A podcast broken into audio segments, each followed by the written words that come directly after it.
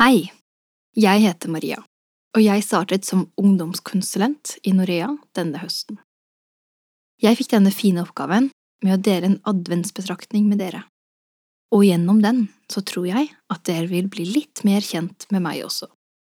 Jeg tror at adventstiden her i Norge kan se veldig forskjellig ut fra hjem til hjem.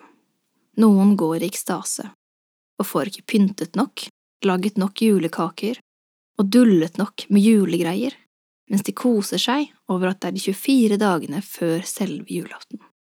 For andre kan disse dagene fortone seg som alle andre dager i året.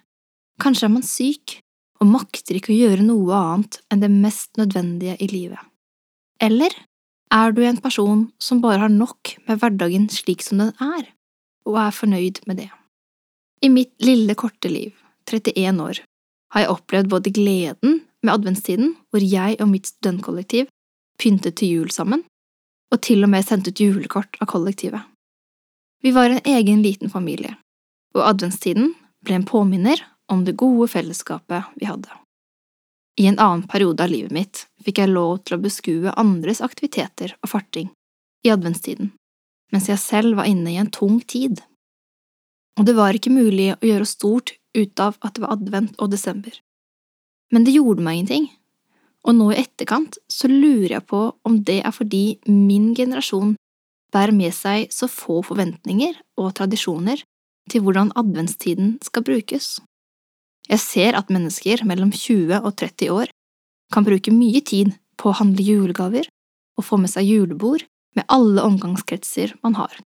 Med jobben, studiegjengen, idrettsgjengen, bibelgruppen og selvfølgelig de som bare kalles vennegjengen. Men der hvor de bor, så er det verken julepynt eller julekake. Og for andre i denne aldersgruppen kan det være helt motsatt. De bruker mest mulig tid hjemme og pynter, baker, lager julegaver og julekort, og drikker helst en kopp kakao hver dag med en bok i hånden. Det er fint med variasjonen, og det er fint at vi kan velge. Det var to år hvor jeg selv valgte å gjøre noe veldig annerledes. Istedenfor å fokusere på jul og desember, så la jeg all min energi i å planlegge to misjonsturer for juleferien og å samle inn penger til prosjekter i disse landene. Et år tok jeg med meg venner til Kenya, hvor vi besøkte et barnehjem og samlet inn penger i adventstiden for disse barna og andre barn i landsbyen. I Jakobs brev kapittel 1 så står det at en usmittet tjeneste for Gud er å ta av seg enkene og de farløse. Og på dette stedet i Vest-Kenya var det så mange barn og familier hvor det ikke var én farsfigur.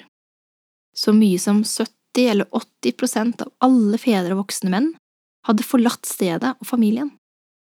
Det var et trist syn, men vi fikk be med flere mødre, gitt dem mat og lekt med barna. Jeg skal si deg at det var en meningsfull jule.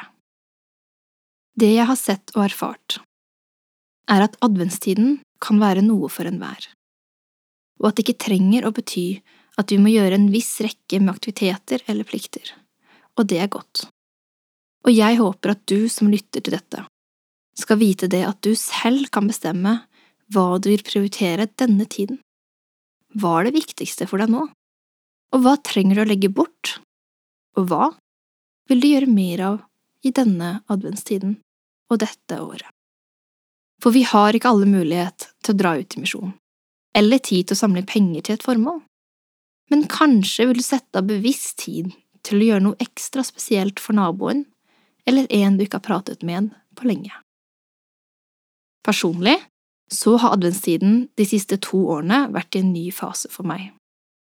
Jeg har blitt småbarnsmamma med to gutter på ett og to år, og jeg ser at jeg må velge mine prioriteringer vist. Det blir ingen store misjonsprosjekter hvor jeg reiser ut, men jeg har valgt å jobbe med et innsamlingsprosjekt for å samle inn penger til å bygge brønn for et unådd folkeslag. Det blir kanskje litt mer takeaway-mat for å heller prioritere julebesøk og barna. Og så får juledagene og juleferien komme når den kommer, for jeg gleder meg veldig til det òg. Og du, uansett hvor vi er i verden og hva vi prioriterer, så er vi så høyt elsket av Gud, vår Far. I Salme 145, 8 og 9, så står det Herren er nådig og barmhjertig, langmodig og stor i miskunnhet. Herren er god imot alle, og hans barmhjertighet er over alt han har skapt. Og med det så ønsker jeg deg som lytter, en god og velsignet adventstid.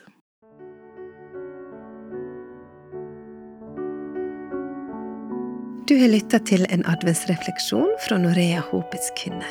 Det var Maria Våge Skårdal som du hørte her, og hun kom med ei viktig oppfordring om å gjøre noe godt for noen andre nå. Maria er ungdomsarbeider i Norea, og sammen med ettåring Østen Olai så ønsker hun å komme rundt til ungdomsforsamlinger, studentlag, skoler osv. for å fortelle om Norea sitt arbeid. Så om du har tips til hvor de kan komme på besøk, så ta kontakt med dem, f.eks. via Norea Mediemisjon på Instagram. Vi i Norea Håpets Kvinner ønsker deg ei velsigna adventstid.